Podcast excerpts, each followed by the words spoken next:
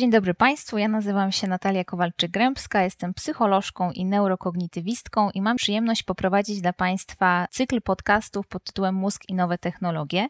Dzisiaj porozmawiamy o wyjątkowo ciekawym i niezmiernie popularnym temacie, bo o grach komputerowych i ich wpływie na mózgi ich użytkowników. Gry komputerowe stają się w ostatnich latach coraz istotniejszą częścią naszego codziennego życia i tym samym coraz częstszym przedmiotem zainteresowania naukowców. Jedną z takich badaczek zainteresowaną tym tematem, wpływem gier komputerowych na mózg, jest pani profesor Aneta Brzezicka, którą zaprosiliśmy do dzisiejszego odcinka. Pani profesor Aneta Brzezicka jest psycholożką, która zajmuje się badaniem szeroko rozumianych zmian neuroplastycznych u osób, które podejmują naukę nowych umiejętności, na przykład trenują swoją pamięć albo uczą się grać w gry komputerowe. Obecnie pani profesor pracuje nad badaniem interakcji między mózgiem, mikrobiotą jelitową i funkcjonowaniem poznawczym. Innymi słowy, odkrywa tajemnice ludzkiego mózgu przy pomocy najnowszych metod neuroobrazowania zarówno funkcji, jak i struktury ludzkiego mózgu. Obecnie kieruje również Centrum Badań Neuropoznawczych na Uniwersytecie SWPS. Czy gry komputerowe mogą zmieniać strukturę ludzkiego mózgu? Jak granie w gry komputerowe wpływa na mózg? Jak różne rodzaje gier wpływają na mózg? Czym różni się mózg zaawansowanego profesjonalnego gracza od osoby, która nie gra w gry komputerowe? Czy gry bardziej szkodzą, czy wspierają rozwój mózgu? Na te i na wiele pytań dzisiaj będziemy odpowiadać z panią profesor Anetą Brzezicką.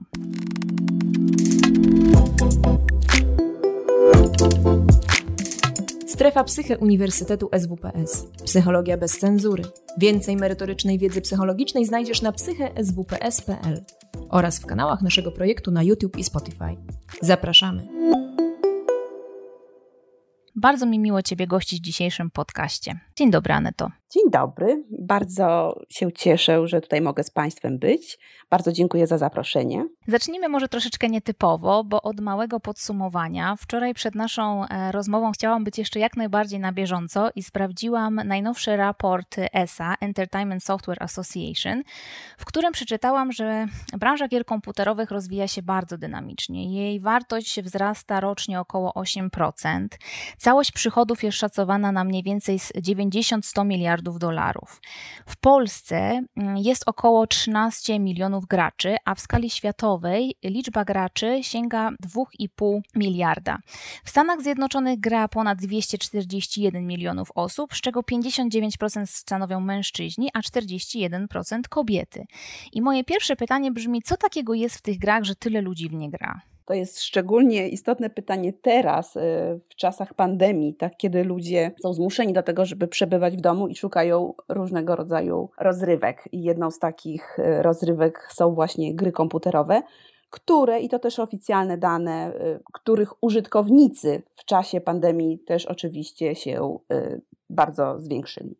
Dlaczego gry są takie atrakcyjne. Ja myślę, że gry mają kilka aspektów sprawiających, że bardzo lubimy wracać do tej aktywności.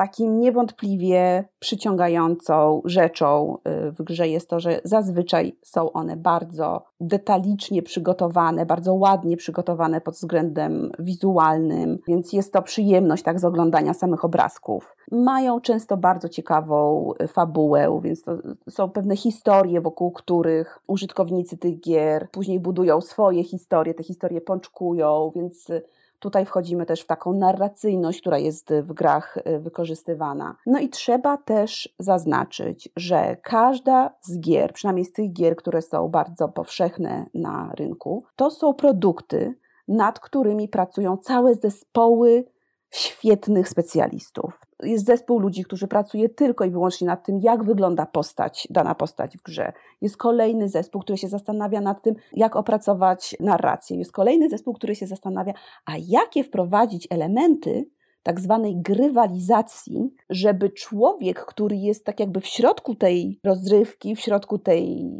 rozgrywki, żeby chciał kontynuować tę aktywność tak? I na to też idą bardzo duże pieniądze, tak jak mówię, duże zespoły ludzi, którzy się zastanawiają nad niczym innym, tylko nad tym, co zrobić, żeby ludzie, którzy już zaczną grać w tę grę, chcieli grać w nią dalej. Więc e, myślę, że, że ta, to słowo, którego użyłam, też ta grywalność gry, tak, bo też jeżeli popatrzymy na różne gry, to też pewnie zależy to od, oczywiście od użytkownika. Jedne gry będą podobały się jednej grupie osób, a inne gry będą podobały się innej grupie osób. Jeszcze do tego dzisiaj pewnie do tych różnic indywidualnych, tak, czyli do tego, że każdy z nas jest inny, to będziemy dzisiaj wracać często.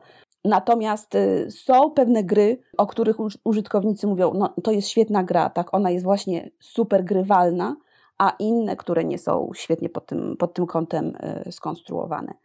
Y, ale myślę, że to jest słowo klucz, tak? że, że tam są pewne elementy wprowadzone. Mogę nawet o nich, mogę wymienić tu kilka elementów, na przykład taki element podnoszenia rangi swojego awatara tak, czyli awans y, w grze, czyli podniesienie trudności gry. To się wszystko odbywa w bardzo precyzyjny sposób. Także gra na przykład chroni nas przed tym, żebyśmy byli wystawieni na zbyt trudne zadania. Tak? Musimy przejść pewien etap szkolenia i dopiero potem jesteśmy gotowi na to, żeby wejść na kolejny poziom tej gry. I to jest bardzo fajne, ponieważ nie ma frustracji, albo jest ta frustracja bardzo mała, da się ją pokonać, da się wyćwiczyć pewne elementy i później tak mamy to poczucie takiej realizacji i poczucie, że zrobiliśmy coś dobrze, co się łączy też z, z odczuwaniem przyjemności i chce nam się angażować w tę aktywność dalej, żeby za chwilę dostać kolejne takie wzmocnienie. O i znowu weszłam tak na kolejny poziom trudności. Znowu coś osiągnęłam, dostałam jakiś medal. Tak? Jest mnóstwo takich elementów, które sprawiają, że jest nam przyjemnie.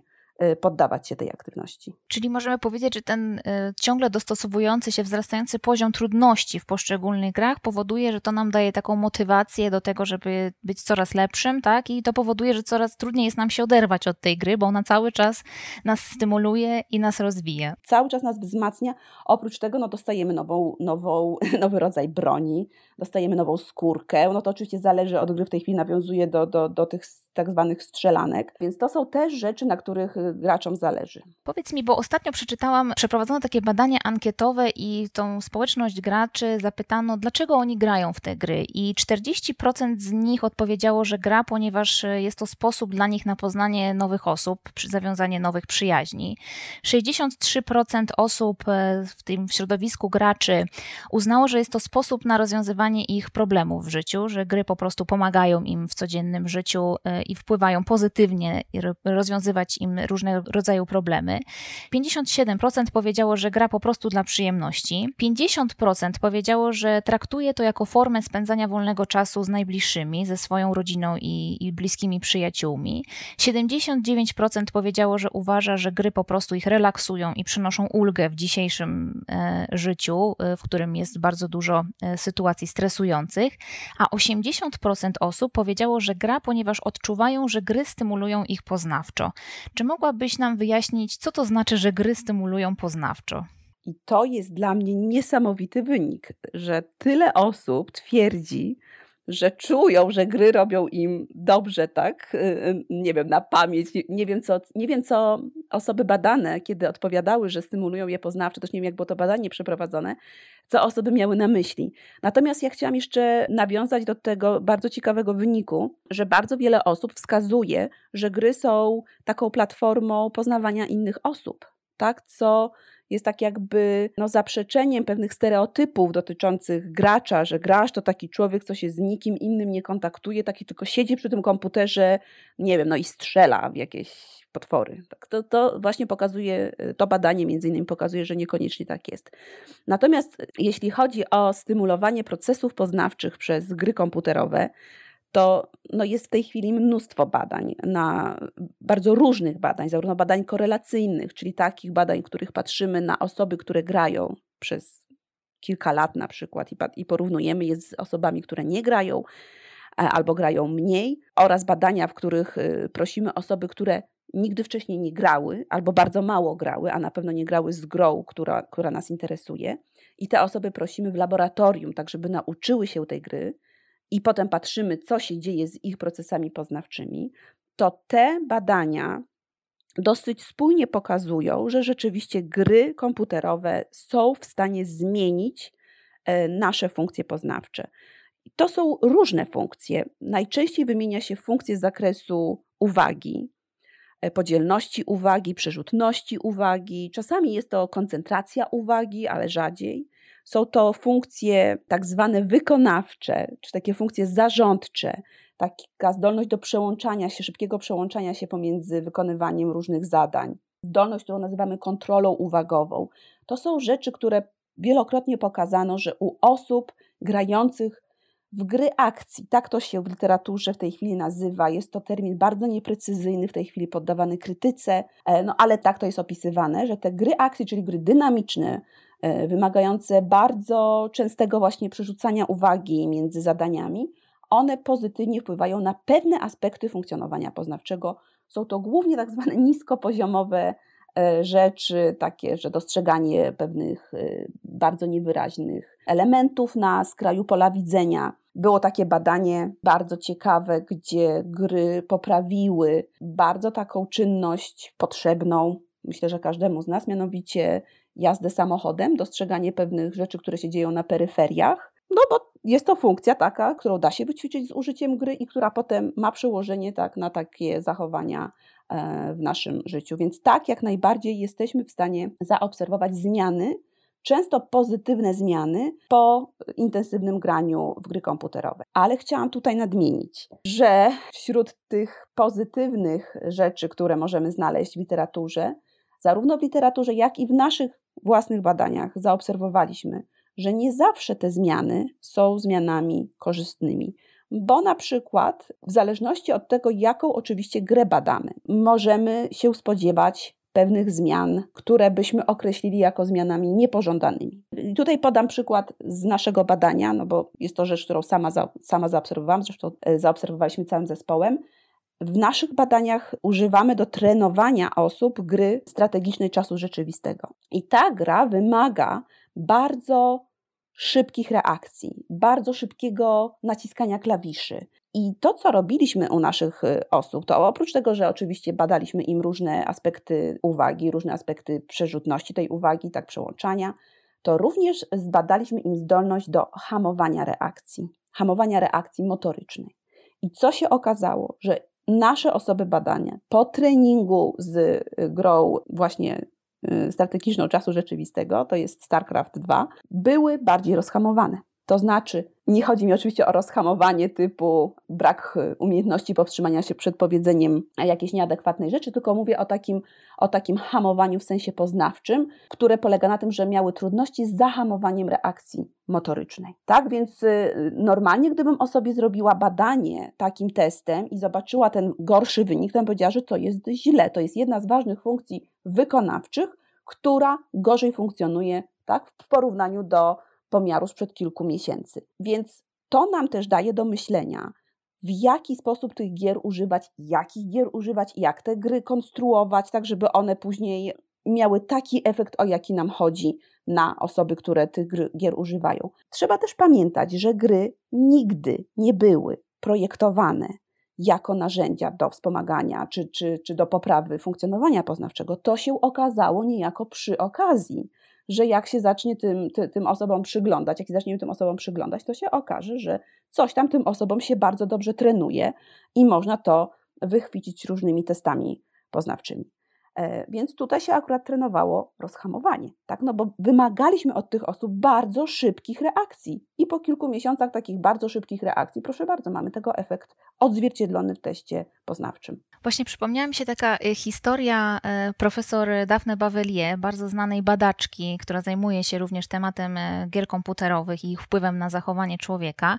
I rzeczywiście użyłaś tutaj określenia, że przez przypadek, tak? To, to wyszło, że rzeczywiście te gry mogą być wykorzystywane również w laboratoriach w, w celu na przykład poprawiania określonych funkcji poznawczych. Ty na pewno znasz tą historię, ale może większość naszych słuchaczy jeszcze o niej nie słyszała, że pani profesor Daphne Bavelier na początku swojej kariery zajmowała się badaniem osób z wrodzoną głuchotą i w swoim laboratorium była zainteresowana, czy te osoby mają nadzwyczaj rozwinięte zdolności wzrokowo-przestrzenne. I żeby to sprawdzić, zaprojektowała specjalne e, zadanie, właśnie mierzące te zdolności wzrokowo-przestrzenne.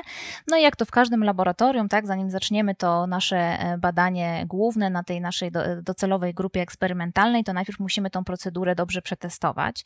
No i pani profesor e, przetestowała tą procedurę na swoich współpracownikach, między innymi na swoim doktorancie Greenie i okazało się, że te osoby z jej laboratorium wykonały to zadanie nadzwyczaj dobrze, to znaczy były, ich poprawność była bliska 100%, czyli znacznie wyższe wyniki osiągali niż to do tej pory było raportowane w literaturze. No i zaczęli się zastanawiać, tak, jak to się stało, dlaczego oni mają takie nadzwyczaj dobre wyniki. No i okazało się, jak zaczęli rozmawiać, że są to osoby, które właśnie są graczami. One, były to osoby, które bardzo dużo grały w gry komputerowe. No i pani profesor porzuciła swój dotychczasowy projekt na osobach z wrodzoną głuchotą. Zaczęli drążyć ten temat, zaczęli badać wpływ gier komputerowych na zachowanie, no i kilka lat później opublikowali swoje pierwsze badanie w, w czasopiśmie Nature.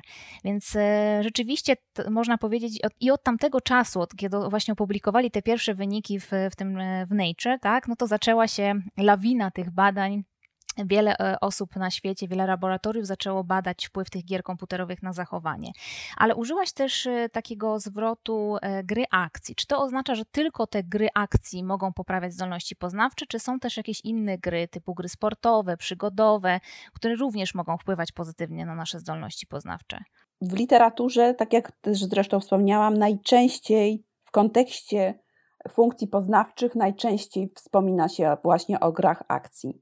Głównie z tego powodu, że one charakteryzują się pewnymi wymogami, y, które z punktu widzenia, no teraz użyję takiego też słowa, którego nie zdefiniowałyśmy, ale może zaraz y, nam się to uda, treningu poznawczego, tak, czyli takiego pewnego oddziaływania ukierunkowanego na poprawę y, różnego rodzaju funkcji poznawczych, będzie to działać. Gry, które, no nie wiem, typu nie wiem, układanie jakichś klocków, które nie będą miały takiego tem, odpowiedniego tempa, nie będą miały odpowiednich wymagań wobec użytkownika, nie spodziewałabym się po nich y, jakichś spektakularnych y, efektów.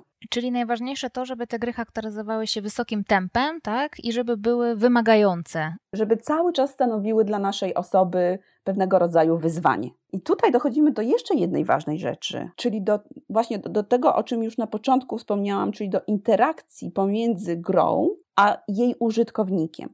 Bo to, że my zaprojektujemy nawet najwspanialszą grę, to wcale nie znaczy, że osoba, która usiądzie i zacznie tę grę używać, że ona będzie to robić tak, jak myśmy sobie wymyślili. Tak, są pewnego rodzaju strategie, których możemy używać, sposoby tak, grania, i to zostało nawet pokazane przez kilku badaczy, że w zależności od tego, jak my tej gry używamy, jak my będziemy grać w grę, taki to będzie miało skutek na przykład na nasz mózg. Tak, na to, co się tam stanie z, z włóknami, z istotą szarą, tak, którą można w jakiś sposób zbadać.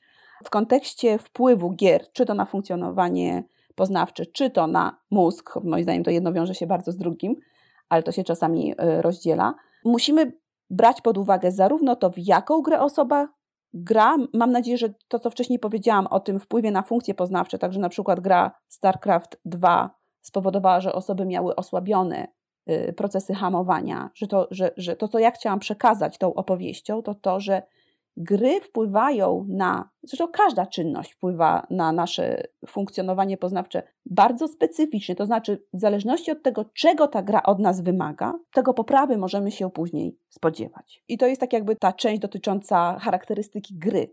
A druga rzecz jest jeszcze taka, że no ta, ta te różne gry jeszcze trafiają na różnych odbiorców, tak? na różne osoby, które mają różne strategie, na przykład podejścia do tego, jak sobie będę radzić z danym zadaniem, i to też będzie powodowało, że na jedną osobę gra zadziała tak, a na inną inaczej. Nie jest to wszystko takie proste, jakbyśmy chcieli. O to jeszcze będę chciała Cię później e, dopytać, ale wspomniałaś też, że poprawie ulegają trenowane funkcje, czyli e, możemy powiedzieć, że gry działają tylko w obszarze takiego transferu bliskiego, czy też e, badacze zaobserwowali, że poprawie mogą ulegać też nietrenowane bezpośrednio funkcje w grach? Tak jak już powiedziałam o tych kierowcach, tak, którym się poprawiały zdolności, czy też osoba, którym się poprawiały zdolności kierowania autem, to pokazuje, że gry mają potencjał do właśnie generowania tego też jeszcze niezdefiniowanej rzeczy, której użyłaś, czyli transferu dalekiego.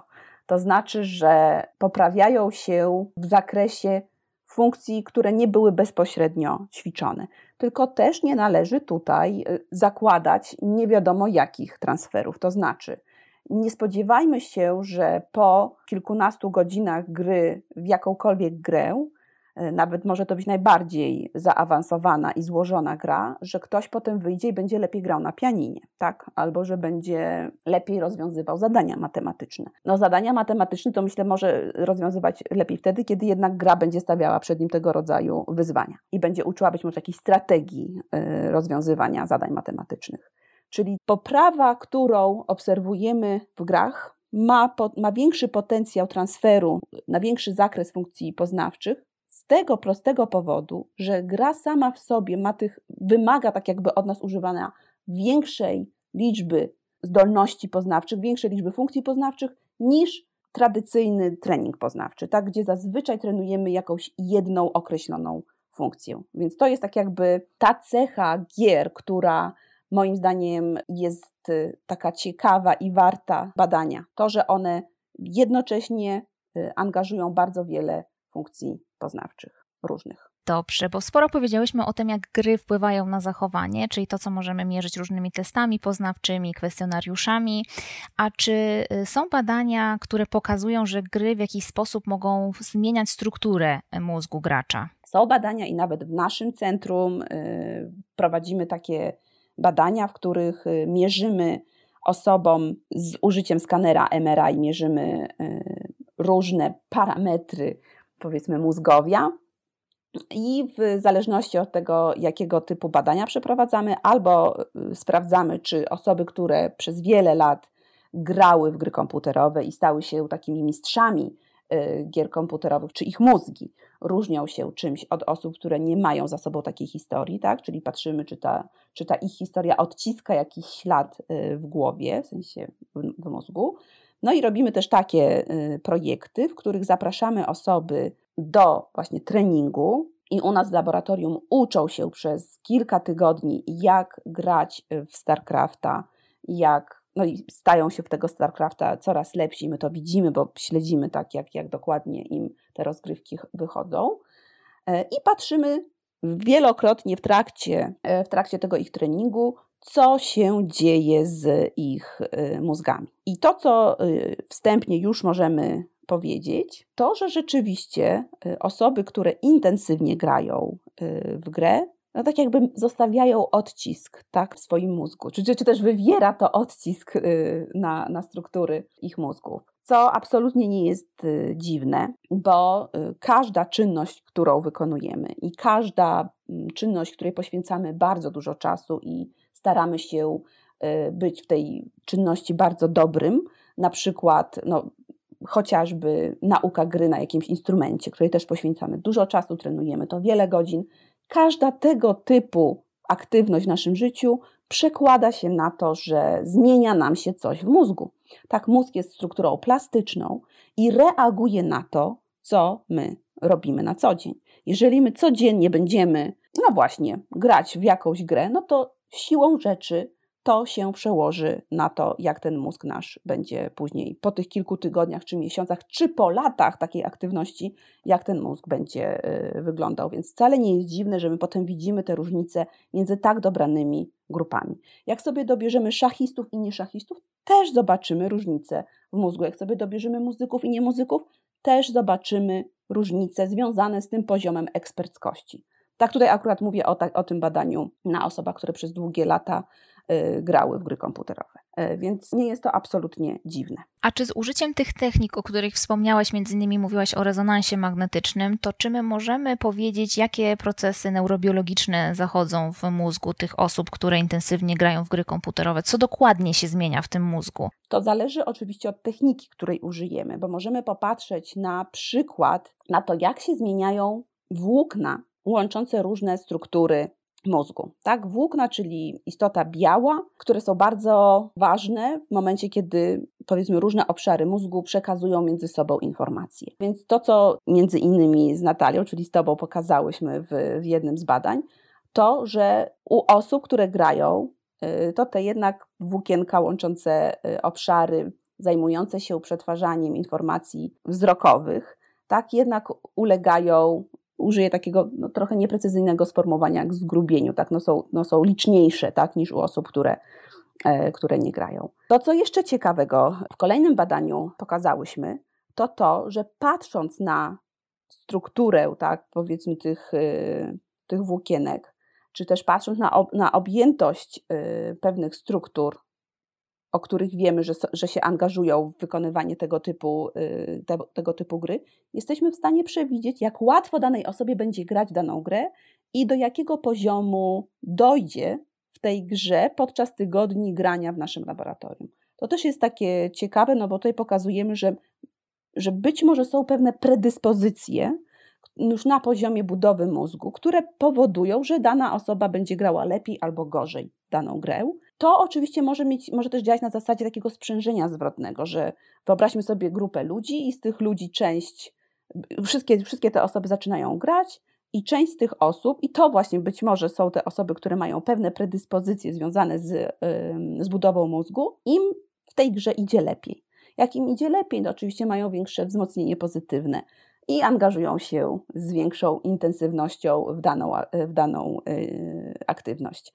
Co będzie powodowało, że będą sobie te obszary jeszcze bardziej wzmacniać, więc one będą działały jeszcze lepiej, będą powodowały, że są jeszcze lepsze w tej grze i takie się robi właśnie e, perpetuum mobile, że, że, że być może są to takie dwa mechanizmy powodujące, że osoby, które później długo grają w jakąś grę, mają inną charakterystykę pewnych obszarów niż osoby, które nie grają. To może być zarówno związane z pewnymi predyspozycjami, które istniały w ich mózgach zanim zaczęły grać, jak i potem oczywiście były wzmacniane tą aktywnością. Tak jak myślę sobie o tych wynikach, to wydaje mi się, że to jest e, przyszłość w ogóle, jeżeli chodzi o też e, o ten obszar badania gier komputerowych, ponieważ jeżeli uda się to potwierdzić, e, mam nadzieję, że również nam, że rzeczywiście na podstawie anatomii mózgu będzie można przewidywać sukces, czyli to jak dobrze będzie nam szło w danej dziedzinie, na przykład w obszarze gier komputerowych, to będziemy mogli tą wiedzę wykorzystać na przykład dla profesjonalnych e-sportowców, tak, że będziemy robić taki pre-screening, będziemy patrzeć na tą ich strukturę strukturę mózgu jeszcze zanim oddadzą się w pełni tej aktywności i będziemy mogli oczywiście w pewnym e, stopniu oszacować, czy ta osoba powinna się w ogóle e, angażować w tą aktywność, czy nie. Ja wiem, że jest dzisiaj na to za wcześnie, natomiast mam nadzieję, że, że ten temat będzie się rozwijał i kiedyś będziemy mogli do takiego etapu dojść. Tak, ja tylko mam uwagę taką. To jest oczywiście fascynujące i ja jako naukowiec też mam takie poczucie, kurde, gdyby tak się rzeczywiście dało przewidywać, to, to, to byłoby coś niesamowitego. Ale z drugiej drugiej strony od razu mi kiełkuje taka, ta, taka etyczna rozterka, e, czy to jest na pewno ok, tak? No bo e, to jest taki problem, że mówię dziecku, no nie, nie możesz grać w piłkę, no bo masz te nogi koślawe, więc nigdy nie będziesz świetnym piłkarzem. E, no i tutaj też może być, możemy dojść do takiego, tylko no bardziej powiedzmy wysublimowanego wysublimowanego poziomu, że no nie, nie będziesz mógł grać w tę grę albo nie będziesz mógł czegoś tam robić, no bo nie masz predyspozycji, w związku z czym nie będziesz nigdy w tym dobry. Ale oczywiście, jak najbardziej zgadzam się, w tej chwili też selekcjonujemy, czy to zawodników do, do grania w piłkę nożną, czy cokolwiek innego, więc jak najbardziej jest duży nacisk na to, żeby mieć metodę, która pozwoli z dużej puli osób wyłonić kogoś, kto ma już na wstępie predyspozycję do tego, żeby tym dobrym graczem, czy dobrym pianistą, czy dobrym koderem tak zostać w przyszłości. Na pewno nie chodzi mi o to, żeby zabraniać jakiejś czynności, natomiast tak sobie myślę, że nie każdy na przykład może zostać pilotem e, samolotu, tak, że są pewne predyspozycje, e, czy to takie właśnie e, fizyczne, czy, czy, czy jeżeli chodzi o psychologiczne, czy zdolności poznawcze, które warunkują, że ktoś w jakiejś dziedzinie będzie się sprawdzał, bądź też, bądź też nie. Znaczy ja uważam, że to jest troszkę bardziej złożony temat, bo my tu mówimy o tym, że temu komuś będzie łatwiej, ale to nie znaczy, że osoba, która tej predyspozycji nie ma, ciężką pracą nie będzie mogła dojść do tego samego poziomu, co ta osoba, która ma powiedzmy jakąś taką predyspozycję do, do wykonywania danej czynności. Tylko tak chciałam zaznaczyć, że to, że to oczywiście stygmatyzuje i tak dalej, więc tutaj wchodzimy w zupełnie inny temat niż temat naszego podcastu, ale yy, jeśli ktoś nas słucha i sobie będzie myślał, że ojej, to, to, to takie straszne, yy, to ja chciałam tylko powiedzieć, że to nie jest tak, że my nie możemy tego naszego mózgu wyćwiczyć w danym. Jeżeli mamy, jesteśmy przeciętną osobą, mamy przeciętny mózg, to naprawdę możemy się wyćwiczyć w każdym dowolnym kierunku. Tylko wymaga to oczywiście dużo pracy i ćwiczeń. I to chyba też pokazują badania właśnie te ankietowe, o których wspomniałam, że jest też duża grupa osób e, między 55 a 65 rokiem życia, a nawet osoby powyżej 65 roku życia, które również grają w gry komputerowe. Jak zapytano ich dlaczego, to właśnie odpowiedziały, że, że czują się lepiej, że te gry w jakiś sposób e, usprawniają ich codzienne funkcjonowanie. Więc e, no, takie osoby również podejmują się tej aktywności i widać, że rzeczywiście przynosi im to jakieś pozytywne skutki. Ale chciałabym jeszcze wrócić na chwilkę do tego tematu, jak gry wpływają na mózg, bo wspomniałaś o tym, że zachodzą różnego rodzaju procesy na poziomie mózgu, tak, zmiany neuroplastyczne na poziomie zarówno zwiększonej liczby połączeń pomiędzy e, niektórymi obszarami mózgu, ale ja chciałam zapytać, czy te zmiany są trwałe, czy zaraz po zaprzestaniu tej aktywności one znikają, czy jest tak, że one, nie wiem, zostają z nami już na przykład do, do końca, tak? Czy do końca to tego chyba nikt nie badał? ja nie znam takich badań, ale kilka miesięcy po, y, po takich oddziaływaniach sprawdzano i te zmiany tam jeszcze, y, jeszcze do, do, do pewnego stopnia są. Natomiast nie ma się co spodziewać, że one z nami zostaną na długo, dlatego że to już wiele badań z zakresu neuroplastyczności y, pokazywało, że obszary w mózgu, które nie są zaangażowane w czynność, której służyły na początku, są anektowane przez inne czynności. Mózg tak ma. Po prostu w mózgu nigdy nie jest za dużo neuronów, więc te neurony nie będą czekały sobie e, i, i, i nie wiem, bo może jeszcze komuś przyjdzie ochota, żeby zagrać, e, tylko one będą podłączane do, do innych czynności. Tak jak e, chociażby u osób, które tracą wzrok, tak, i potem uczą się na przykład czytać z użyciem alfabetu Braille'a, no to wiadomo, że, że, że struktury, które przestają być używane, które przestają przyjmować e, bodźce wzrokowe, one są wykorzystywane tak do innych, e, do innych rzeczy. Więc nie spodziewałabym się, że pogramy sobie, nie wiem, 10 miesięcy, ok, mamy te zmiany i te zmiany już tam na zawsze zostaną. Jeżeli, ty, jeżeli nie będziemy tak jakby podtrzymywać, tak jakby tych dróg, tak, które tam nam mm, powiedzmy się poprawiły, no to one zapewne wrócą do, do swojego kształtu sprzed tego treningu. Powiedziałyśmy o tym już, że różne gry mogą różnie wpływać na, na zdolności poznawcze. Mówiłaś, że w przypadku gry StarCraft 2, która jest z kategorii grup, z kategorii gier strategii czasu rzeczywistego, to tam głównie poprawiają się procesy uwagi, zdolności wzrokowo-przestrzenne. A czy są takie badania, które by pokazywały, że mózg gracza właśnie gry strategii czasu rzeczywistego jest inny niż mózg gracza gier typu strzelanki? To już znowu yy, nawiązujemy do tego, co, co już wcześniej mówiłam, że zarówno w zakresie funkcjonowania poznawczego, tak, jeżeli byśmy tam szeroko, szerokim bardzo zakresem testów osobę sprawdzali, jak i w odniesieniu do zmian zachodzących na poziomie mózgu, to to, czego możemy się spodziewać, jest zawsze ściśle powiązane z typem oddziaływania, które, które wywieramy tak jakby na osobie badanej. Czyli jeżeli to oddziaływanie będzie polegało na tym, że osoba ma chodzić i dostrzegać sobie gdzieś wrogów i, i strzelać w tych wrogów, czyli de facto stymulujemy bardzo takie peryferyczne widzenie, tak, dostrzeganie bardzo małych bodźców, versus to, co się dzieje w grach strategicznych, że jednak musimy coś obmyślać, musimy się też bardzo, bardzo szybko zmieniać, yy, tak jakby mapę, na którą patrzymy. To, to są zupełnie inne czynności, które ćwiczymy.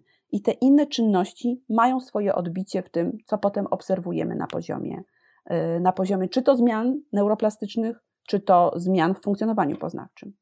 Aczkolwiek myślę, że bo my tutaj się bardzo y, skupiłyśmy na tym, żeby te gry zachwalać i skupiamy się y, na przywoływaniu badań, które pokazują pozytywne efekty, w takim sensie, że rzeczywiście coś tam się zmieniło i że możemy to, to nawet zaklasyfikować jako zmianę wiem, funkcji poznawczych czy, czy, czy pozytywną zmianę e, na poziomie mózgu. Myślę, że warto tutaj wspomnieć, że jest też szereg badań, które pokazują, że nie ma takich zmian. Także patrzono czy to na osoby, które grają, albo, albo sprawdzano w treningu i tych zmian nie obserwowano. Więc to były tak zwane zerowe rezultaty, tak, że, że tam nie można by powiedzieć jakoś konkluzywnie, że coś się zadziało. E, żeby też słuchacze nasi nie mieli takiego poczucia, e, że wszystkie badania, tak jakby z udziałem graczy albo osób, które były zapraszane do grania, pokazują takie pozytywne rezultaty. Jest część badań, w których się tego pokazać nie udało. Są też metaanalizy, są też takie badania przeglądowe, które podsumowują y, wysiłki badaczy w tym zakresie i większość tych y, artykułów zgodnie pisze, że jednak jest dosyć dużo błędów metodologicznych, dosyć dużo problemów jeszcze z tymi badaniami, które trzeba by było naprawić w przyszłych badaniach, żeby można było te wnioski z całą pewnością wyciągnąć, co się tak naprawdę zmienia i na poziomie mózgu, i na poziomie funkcji poznawczych y, u graczy ale dosyć spójnie z tego wynika, że bardzo ważną rzeczą, do tej pory zaniedbywaną przez badaczy, jest to, w co osoba badana gra. I jeszcze dosyć często się y, tłumaczy właśnie tę niekonkluzywność wyników albo ten, ten brak efektów tym, że właśnie się za bardzo nie przykłada wagi do tego, żeby dobrze zapytać osobę, w jakie gry tak naprawdę grasz. I stąd być może jest ten taki miszmasz w wynikach, który mam nadzieję za kilka lat nam się tutaj ładnie wyprostuje i będziemy wiedzieli, jak, jak ta historia naprawdę wygląda w odniesieniu do zmian w mózgu czy w odniesieniu do zmian poznawczych. Zapytałam Cię o to, ponieważ myślę, że może w przyszłości, jeżeli, będzie, jeżeli będziemy w stanie rzeczywiście dowiedzieć, że te różne gry e, wpływają e, na różne obszary naszego mózgu, to być może będziemy mogli kiedyś w przyszłości zaprojektować taką grę, która celowałaby w konkretne obszary naszego mózgu, które na przykład u osoby są zaburzone w wyniku jakiegoś wypadku, albo u osoby, która cierpi na jakieś choroby neurodegeneracyjne. Być może to będzie właśnie e, sposób na polepszenie ich tak zwanej jakości, jakości życia e, codziennego. A to ja tylko powiem, że już są w tym kierunku robione badania. E, już są badania z pacjentami po udarach, którym się proponuje terapię z użyciem właśnie zmodyfikowanych gier wideo. No i pierwsze rezultaty no, są takie, że, że, tym, że one działają lepiej niż tradycyjne, niż tradycyjne podejścia do osób tak, po, po, po udarach. To czy myślisz, że kiedyś e, w niedalekiej przyszłości e, będzie taka sytuacja, że na przykład na zaleceniu od neuropsychologa znajdziemy u takiego pacjenta, proszę pograć dwie godziny dziennie w StarCrafta. Czy, czy widzisz taki scenariusz? To wszystko oczywiście zależy od wyników naszych badań, między innymi naszych badań i innych, i innych badaczy, więc e, nie wiem, czy to będzie akurat StarCraft, czy być może dojdzie do takiej fuzji przemysłu, powiedzmy, z terapeutami, Wiadomo, że w tej chwili powstają różne programy terapeutyczne, tak, które, które są takie grywalizowane, tak, żeby tym pacjentom się nie nudziło, kiedy muszą wykonywać jakąś nudną czynność. E, I, I to jest właśnie główna bolączka tych takich y, programów, które projektują badacze albo terapeuci. No i wiadomo, co my chcemy osiągnąć. Wiadomo, że chcemy wyćwiczyć taką inną funkcję, w związku z czym no, robimy to tak, żeby pacjent jak najbardziej tę funkcję ćwiczył, zapominając o tym, że to też musi być, że bardzo ważnym aspektem długotrwałej terapii jest poziom zaangażowania, tak żeby osobie się chciało wracać do tej czynności żeby się chciało jeszcze raz i jeszcze raz i jeszcze raz i jeszcze raz, tak? No bo to trzeba naprawdę wykonywać bardzo, bardzo długo i intensywnie i z zaangażowaniem, żeby potem zobaczyć tak to odbicie w tym mózgu, wyraźne odbicie. Więc być może dojdzie do takiej fuzji, przynajmniej niewielkiej, tak, przemysłu, który produkuje gry wideo z, z osobami, które projektują programy dla osób po udarach i zostaną wyprodukowane przemyślane gry, które będą rzeczywiście stymulowały to, o co chodzi terapeutom. Już są takie projekty, Niestety one tam pojawiają się, potem znikają, więc trudno mi w tej chwili jednoznacznie ocenić, tak, czy, one, czy one się zakończą sukcesem, czy nie, ale no, na pewno jest dużo y, w tym kierunku no, prób, tak, podejmowanych prób, żeby, żeby tak, tak to zrobić, żeby to było atrakcyjniejsze dla, y, dla odbiorcy. No właśnie, obie chyba pracowałyśmy z pacjentami po takich różnych e, wypadkach, e, czy też e, właśnie cierpiących na różne, różne choroby neurodegeneracyjne. I to, co ja na przykład zauważyłam, że największym problemem w takiej pracy z pacjentem jest brak tej motywacji i zaangażowania, bo prawdopodobnie ten materiał, który mu dos, do, dostarczamy do treningu, jest po prostu nieatrakcyjny, tak? I ciężko jest nam wyćwiczyć te poszczególne funkcje, jeżeli ta osoba po prostu nie jest zmotywowana, nie ma chęci, nie czuje przyjemności, tak? Również z wykonywania takich, takich zadań. To jest jedna rzecz, a druga rzecz, że trzeba pamiętać, że bardzo często u pacjentów jest też problem z utrzymaniem uwagi. Tutaj też by się przydała jakaś taka, jakiś taki zabieg, który jest wykorzystywany wtedy, kiedy kreujemy dobrą grę wideo, który by takiego pacjenta, tak, tę, tę jego szczątkową uwagę tak był w stanie zaangażować. A powiedz mi jeszcze proszę, e, bo do tej pory oczywiście mówiłyśmy w większości o takich pozytywnych aspektach tych gier komputerowych, a czy w badaniach e, zaobserwowano jakieś negatywne skutki grania na poziomie mózgu? Czy, czy zaobserwowano w badaniach jakieś patologiczne zmiany e, w mózgu u osób intensywnie grających w gry komputerowe? A pytam Cię o to nie bez, nie bez powodu, ponieważ uzależnienie od gier komputerowych pojawi się w ICD-11 w podkategorii zaburzenia spowodowane używaniem substancji psychoaktywnych lub uzależniających zachowań, czyli w tej samej kategorii, gdzie znajdziemy e, alkoholizm czy uzależnienie od hazardu. Mhm. A czy tutaj mi do głowy przychodzi takie badanie, e, które wprost pokazuje, że używanie gry może albo nie może być, być że tak powiem, pozytywne dla mózgu, gdzie zaobserwowano, że u części osób po doświadczeniu z grą nastąpiły pozytywne zmiany w obrębie, u tych, u, u tych osób nastąpiły pozytywne zmiany w obrębie hipokampa, czyli tam zaobserwowano no, zwiększoną objętość yy, powiedzmy tego hipokampa, ale u części osób te zmiany poszły w drugą stronę. To znaczy zaobserwowano zmniejszenie się objętości tego hipokampa. No i to było takie bardzo konfudujące dla badaczy, tak? No ale jak to tak może być? Że u jednych się poprawia, u innych się pogarsza, grają w tę samą grę. Co się okazało? Okazało się, że jak popatrzyli na to, w jaki sposób podchodzą osoby do gry, no to albo to było, była zmiana pozytywna w obrębie właśnie tego hipokampa, albo negatywna. No tam zidentyfikowano strategię, tak, albo była to strategia w oparciu o przesłanki przestrzenne, albo nieprzestrzenne i to miało taki pozytywny albo niepozytywny efekt. No, więc pokazano to bardzo jasno, tak, że słuchajcie, to może być, ale niekoniecznie tak, y, pozytywny efekt. Natomiast co do uzależnień, to to jest temat, którym ja się nie zajmuję, tak, więc ja tego nie badam, więc ja mogę tylko się wypowiedzieć jako taki obserwator y, tego, co robią inni ludzie, jak interpretują tak, ten wpływ. Więc bez wątpienia ten problem istnieje, szczególnie wśród osób młodszych, że tak bardzo trudno może jest im regulować poziom korzystania z tej rozrywki. Natomiast y, myślę, że tutaj jest sprawa podobna jak z kwestią tego, czy gry komputerowe powodują zachowania agresywne później, tak, tak jakby w, rzeczywi w rzeczywistym życiu, czy nie. I tu są, jeśli chodzi o te zachowania e, agresywne, no to są bardzo podzielone stanowiska badaczy, którzy się tym zajmują. Jest grupa badaczy, która jest y, święcie przekonana, że gry bezpośrednio wpływają na poziom agresji, tak prezentowany po, po zakończeniu użytkowania tej gry. I jest druga część badaczy, którzy kontrują tak jakby te, tę pierwszą grupę i pokazują, czy to reanalizę ich danych, czy, czy, czy, czy dane ze swoich badań, które absolutnie nie pokazują tego negatywnego wpływu. Więc prawdę mówiąc, nie wiem, jakie jest rozpowszechnienie, może ty wiesz, jakie jest rozpowszechnienie uzależnienia od gier e, wśród młodzieży. No właśnie, takie ostatnie badanie przeczytałam e, naszego znajomego doktora Mateusza Goli, który przeprowadził ze swoim zespołem e, badanie ankietowe w Polsce na populacji ponad tysiąca osób i zapytano tam, czy osoby odczuwają, że mają problem z, z, z jakimiś aktywnościami i okazało się, że e, w tej populacji, którą badał, 5% mężczyzn i 3% kobiet uważa, że w jakimś stopniu jest uzależniona od gier komputerowych. Przyznam, że mnie dosyć ta E, dosyć ten wynik e, e, zaskoczył.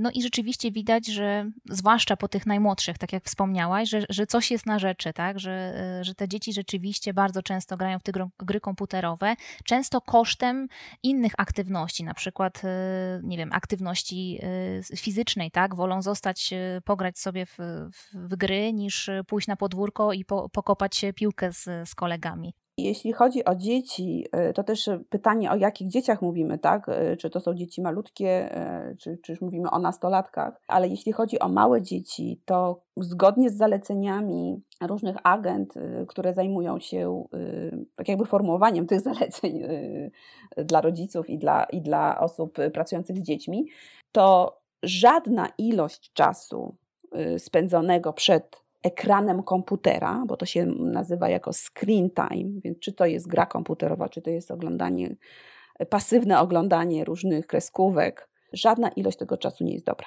Tak więc y, rekomenduje się y, do minimum do totalnego minimum ograniczenie ekspozycji małych dzieci e, na tego typu rozrywki. Głównie właśnie z tego powodu, o którym powiedziałaś, głównie z tego powodu, że ten czas dzieci zamiast spędzać z innymi ludźmi, gdzie mogą słuchać różnych struktur językowych, mogą się tego języka uczyć, one spędzają y, patrząc w ekrany i te dzieci mają na przykład opóźniony rozwój językowy. I są opóźnione w rozwoju wielu innych y, kompetencji, ważnych kompetencji społecznych, więc jak najbardziej małym dzieciom nie zaleca się w ogóle ani grania w żadne gry, ani grania na smartfonach, ani grania na komputerze, ani na tablecie, nic. Ale jeśli chodzi o nastolatki, to oczywiście kwestia jest zupełnie inna. I też ten aspekt, o którym e, wspomniałaś w badaniach, że, że gry są wykorzystywane na różne sposoby, tak? To, są wykorzystywane do tego, żeby spotykać się ze znajomymi, organizować ró różne rzeczy, e, różne akcje, napady na kogoś, no to też wymaga pewnej współpracy, dogadania się. Więc to nie jest tylko tak, że siedzimy i tam sobie patrzymy na ten ekran, tylko aktywnie coś robimy. Jeżeli to jest jeszcze otoczone pewną interakcją społeczną, no to uważam, że to może mieć swoje pozytywne efekty. Tak więc tutaj też trzeba rozgraniczyć, czy my mówimy o małych dzieciach, czy my mówimy już o nastolatkach. Oczywiście nigdy nie jest dobrze, kiedy y, ktokolwiek, czy to nastolatek, czy osoba dorosła, spędza zbyt dużo godzin dziennie poświęcając je na tylko jedną aktywność i zaniedbując czy, czy to obowiązki szkolne, czy pracę, czy rodzinę, więc wtedy oczywiście właśnie mówimy już o uzależnieniu, tak? Czy to jest y, gra w gry komputerowe, czy hazard, czy, czy cokolwiek innego. Wiem, że w swojej karierze naukowej, jeżeli tak mogę powiedzieć, zajmowałaś się również badaniem e, depresji, a jeden z naszych e, słuchaczy e, poprosił, żebym Cię zapytała, czy wiesz może coś na temat korelacji uzależnienia od gier w dzieciństwie, a depresją w fazie dorastania i dorosłości? Czy ciągłe przebodźcowanie mózgu i powodzanie ośrodka nagrody może być przyczyną dynamicznego wzrostu zachorowań na depresję w dzisiejszych czasach? Wow, to jest bardzo dobre pytanie, ale ja absolutnie na nie nie odpowiem, niestety bo to, to pewnie musiałabym bardzo mocno zgłębić literaturę dotyczącą y, tego tematu. No jedyne, co mogę powiedzieć, to, że depresja to nie jest taka prosta sprawa i nie sądzę, że można, nie sądzę, że można zaryzykować stwierdzenie, że granie w dzieciństwie w gry komputerowe jest predyktorem depresji. Myślę, że tych predyktorów depresji jest bardzo dużo i to jest zbyt złożona kwestia, żeby można ją było sprowadzić tylko do takiego jednego zachowania, jak granie w gry komputerowe. Być może zbyt długie, tak, codzienne granie w grę komputerową pewnie może się przyczyniać do przyszłego wystąpienia depresji, ale raczej bym upatrywała tego w troszeczkę innym aspekcie tej kwestii, mianowicie w tym, co już wspomniałam, że kiedy spędzamy, nie wiem, 10 godzin dziennie e, przed komputerem, zaniedbując interakcję z mamą, tatą i jeszcze i, i z rówieśnikami, to to wtórnie może się potem przełożyć na to, że się czujemy gorzej, jak już jesteśmy nastolatkami, już nie chcemy grać w tę grę, chcielibyśmy z kimś pogadać, ale tu nie ma z kim, bo nie nawiązaliśmy sobie wcześniej żadnych relacji. Ale to są tylko moje moje dywagacje. Absolutnie nie jest to poparte żadnym mm, przeczytanym artykułem na ten temat, e, więc y, nie potrafię odpowiedzieć bazując na, e, na jakiejś literaturze. To są tylko moje e, przemyślenia. Skąd mogłoby, gdyby rzeczywiście istniała taka korelacja, skąd mogłoby to się brać? To trzeba by było pewnie zbadać. A może ktoś to zbadał, tylko ja po prostu na ten temat nic nie wiem. No właśnie ja przyznam, że, że nie kojarzę takich badań, więc myślę, że to jest też, jeżeli rzeczywiście się okaże, że, nie ma w literaturze e, doniesień na ten temat, to myślę, że to jest bardzo fajny pomysł na, na, na badanie. Myślę, że można spokojnie zrobić takie badanie, chociażby badanie kwestionariuszowe i zapytać osób, y, które intensywnie grały w dzieciństwie, tak, kilkoma kwestionariuszami E, zbadać im poziom natężenia objawów depresyjnych i zobaczyć, czy rzeczywiście coś takiego istnieje. Bardzo ciekawe, ale tak jak mówię, no nie, nie jestem w stanie się tutaj wypowiedzieć e, tak ex katedra.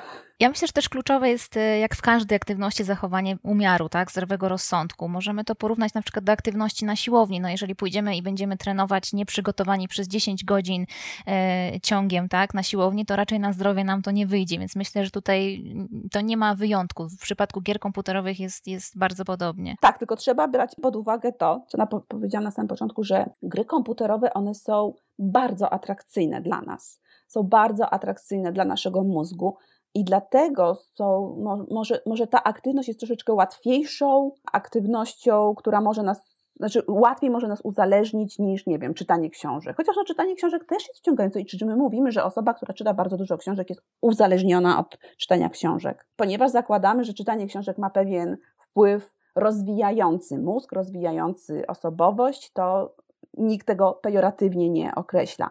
Natomiast gry komputerowe, jeżeli ktoś za dużo tych gier komputerowych używa, no to mamy jednoznacznie pejoratywne określenie, a nasze badania, no i wiele badań pokazuje, że może to jest nie do końca uzasadnione, tak, czy usprawiedliwione, aż tak pejoratywne e, spojrzenie na, na wpływ gier komputerowych na nasz mózg i na naszą psychikę, że może by tak też troszeczkę łaskawszym okiem na to spojrzeć. Także, że możemy sobie poprawić niektóre działanie niektórych funkcji poznawczych, że możemy nawiązywać przyjaźnie, tak, kiedy to są takie gry, w których spotyka się wiele osób, także nie są to gry na komputerze, tylko są to gry na serwerach, że możemy używać tego my jako rodzice, możemy spróbować zacząć, jeżeli nasze dziecko gra dużo w gry komputerowe i jest to dla nas problem, no spróbujmy z tym dzieckiem grać razem gwarantuje, że dziecko będzie przeszczęśliwe, a my też możemy znaleźć jakąś nową płaszczyznę tak do porozumienia z tym naszym dzieckiem. Więc, więc te gry nie znikną. One będą atrakcyjne i ich będzie coraz więcej i ludzie będą w to grać, więc zamiast y, starać się z nimi walczyć, ja bym sugerowała y, spojrzeć na nie łaskawie i spróbować je wykorzystać, tak, wykorzystać do, do naszych y, celów. Jeżeli dziecko ma problem jakiś rodzin ma, rodzice mają problem z tym, że za dużo, no to spróbować wprowadzić jakieś, jakiś system, tak? kiedy, kiedy to dziecko może grać, a kiedy nie może. Mi się wydaje, że wiele osób, czy też nawet młodych osób, no rozumie, że jeżeli gra za dużo, no to to ma też negatywny efekt chociażby na ich oceny, tak? No i trzeba, może sobie z tym nie radzi, może potrzebuje wsparcia rodziców, żeby, żeby jakoś regulować, tak? Akurat tę aktywność. No, natomiast to, co chciałam powiedzieć, że, że może nie do końca te gry to, to, to jest tylko zło. No właśnie mam nadzieję, że, że ta nasza dzisiejsza rozmowa trochę odczarowała te gry komputerowe i, i, i chyba możemy powiedzieć, że nie takie te gry złe, jakie malują. I udało nam się chyba podczas dzisiejszej rozmowy mm, pokazać, że rzeczywiście są pewne obszary, na które one mogą wpływać zdecydowanie e, pozytywnie. Na koniec chciałabym Cię jeszcze poprosić, e, czy mogłabyś powiedzieć naszym słuchaczom, gdzie mogliby poczytać więcej na temat prowadzonych przez Ciebie badań? Może gdzieś jest informacja, jak zgłosić się do obecnie e, prowadzonych przez Ciebie badań. Jakbyś mogła tutaj y, podzielić się tymi informacjami z naszymi słuchaczami? Więc y, ja zapraszam na naszą stronę facebookową Centrum Badań Neuropoznawczych y, SWPS i mamy taki Plasticity Team w ramach, w ramach właśnie tego, tego centrum i właśnie w ramach tego zespołu prowadzimy badania nad wpływem gier na funkcjonowanie poznawcze i na mózg. Także myślę, że strona facebookowa to jest taki najlepszy, e, najlepszy adres, bo tam, tam zamieszczamy najwięcej informacji i, i bieżące ogłoszenia to bardzo Państwa zachęcamy do, do odwiedzenia tej strony, a ja bardzo dziękuję za dzisiejszą inspirującą rozmowę. Bardzo było miło, że, że mogłam ten cykl podcastów rozpocząć właśnie od tak niezwykłego tematu i, i w szczególności, że mogłam tą rozmowę przeprowadzić z Tobą. Państwa już dziś zapraszam na kolejne podcasty Strefy Psyche Uniwersytetu SWPS. Zachęcam serdecznie do subskrypcji naszych kanałów na YouTube czy Spotify, aby być na bieżąco z publikowanymi materiałami, a także zapraszam do obserwowania bloga Strefy Psyche psychę oraz do dołączenia do grupy dyskusyjnej strefy na Facebooku. Dziękuję jeszcze raz Państwu i mojej rozmówczyni i do usłyszenia. Dziękuję i również do usłyszenia.